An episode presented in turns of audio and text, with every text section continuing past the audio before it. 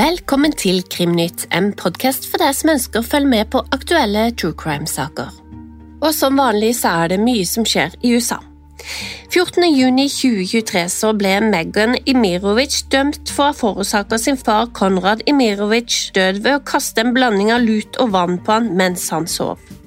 Det var 1.10.2021, mens 64 år gamle Konrad sov, at Megan angivelig skal ha kasta blandingen på faren. Lutet er ofte brukt til rengjøring, og kombinert med vann så skjer det en kjemisk reaksjon som gir en meget høy temperatur. 41% av kroppen var brent, og Konrad fikk alvorlige brannskader på hodet, beina og overkroppen. Faren ble frakta til sykehus og tilbrakte fem smertefulle måneder der, før han i mars i 2022 døde av skadene.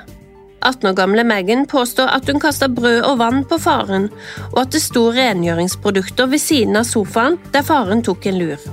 Det var Megans bursdag den dagen, og Megan forklarer at hun hadde en time hos frisøren som faren skulle kjøre henne til. Senere skulle hun på fest.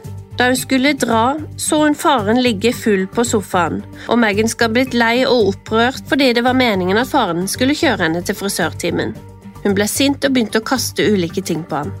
Venninnen til Megan, Kayla, var den som fant Conrad bevisstløs, og i retten vitnet hun mot sin eksvenninne.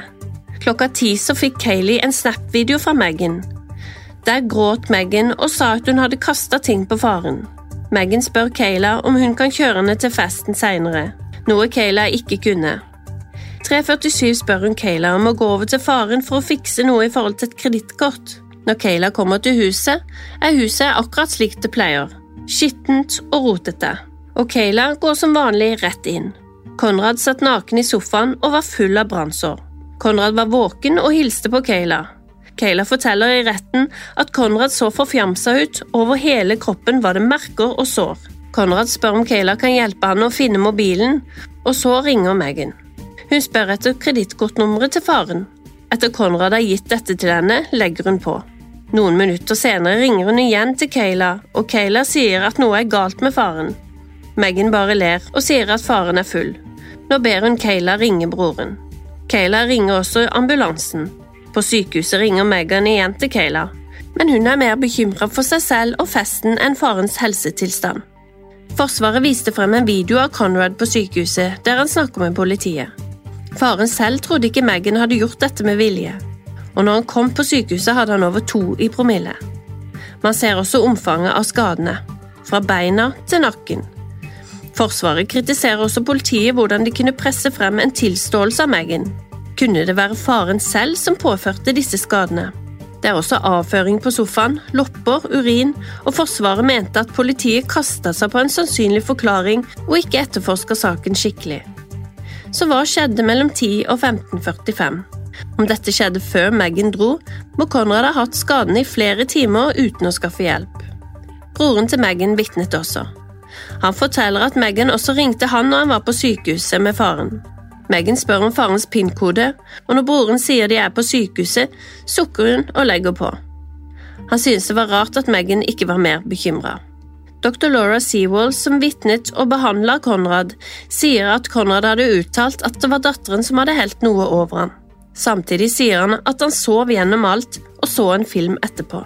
I løpet av de fem månedene han lå på sykehuset, måtte han amputere begge beina og ta en nyredialyse. Det er ingen tvil om at dette er en tragisk sak, og nå er Megan funnet skyldig. Og i den kommende uka vil hun få dommen. Det er nå gått 23 år siden drapene i Baneheia, der Lena Sløgdal Pausen og Stine Sofie Sørstrønnen ble voldtatt og drept. Viggo Kristiansen og Jan Helge Andersen ble i 2001 dømt for drapene basert på Jan Helge sin forklaring, mobilopplysninger og DNA-funn. Viggo hevda hele tida sin uskyld, mens Andersen pekte på sin venn som hovedgjerningsmann og innrømma å ha drept Stine Sofie. Kristiansen ble dømt til 21 år med forvaring, og Andersen ble dømt til 17 års fengsel, som senere ble endra til 19 år. Saken ble anka og avvist, og i 2016 var Andersen en fri mann. Viggo kjempa sin kamp med å få saken gjenopptatt, men gjenopptakelseskomiteen synes ikke det var nye beviser i saken. Ikke før i februar 2021 beslutta de med å gjenoppta saken. Da hadde allerede Bjørn Olav Jahr sin bok om drapene i Baneheia belyst problematikken rundt mobilbeviset og DNA-funnene. Samme år ble det også satt i gang en ny etterforskning. Nå kunne det tyde på at Andersen også hadde drept og voldtatt Lena Sløgedal Pausen. 15.12.2022 ble Kristiansen frifunnet. Det fantes ingen tekniske bevis som tyda på at Kristiansen hadde vært på drapsstedet og på jentene. Og så er vi kommet til mars 2023. Det ble fremsatt en begjæring for at saken mot Andersen skulle gjenåpnes, og samme dag anmeldte Kristiansen Andersen for falsk forklaring. DNA står sentralt i saken. Andersens DNA er funnet på begge jentene, men fraværet av Viggo Kristiansens DNA er vel så viktig. Andersen nekter for å ha drept Lena, men tidligere forklaringer har også vist at han har blanda jentene og ikke vært konsekvent i forklaringen. Telefondata viser at Kristiansens telefon ikke var på åstedet. Kanskje vil vi nå få flere biter som faller på plass, og familien til jentene kan få svar på hva som har skjedd. Så skal vi tilbake til Corey Richins-saken. Du husker kanskje kona som forgifta mannen sin med fentanyl? Hun skrev også en barnebok etter drapet om hvordan barn kan takle tapet av en forelder. Hele historien finner du i Krimprat med Lise og Fiona, og så Krimnytt var innom denne saken i mai. Nå har det vært en høring i saken, og Corey har vært veldig aktiv fra fengselet med å skrive mail til politiet under etterforskningen. I mailene forklarer Corey hvorfor hun etter dødsfallet til ektemannen tok flere luksusferier, og hun mente at Eric Ritchen hadde et forhold på si. Hun mener også at det ikke var noen økonomiske problemer i familien, selv om ekteparet var uenige om et millionkjøp Corey ville gjøre av en eiendom rett før Eric døde.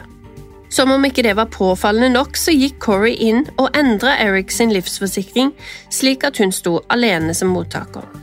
I mailene forklarer hun altså i detaljer årsaken til at hun dro på ferie etter Erics død.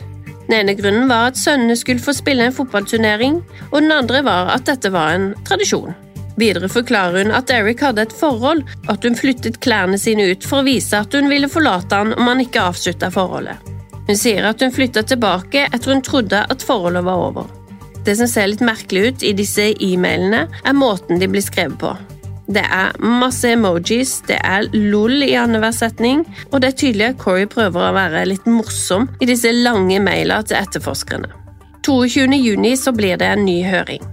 I forrige høring så ble hun nekta kausjon, og det kom frem fra påtalemyndighetene at de mente Corey tok ut 250 000 dollar i kreditt, som hun brukte, og at hun stjal rundt 134 000 dollar fra ektemannens virksomhet, og også tok ut 100 000 dollar fra bankkontoer og brukte mer enn 30 000 dollar med sine kredittkort. Eriksens søster vitna også og kalte Corey for grådig og manipulerende.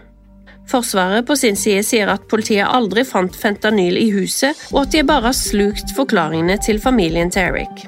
Krimnytt vil følge alle disse sakene videre. Det var alt vi hadde denne uka. Nyt varmen, vi høres.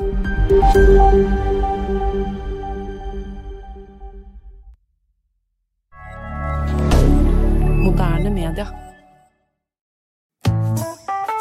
Har du et enkeltpersonforetak eller en liten bedrift? Da er du sikkert lei av å høre meg snakke om hvor enkelt det er å sende faktura med fiken.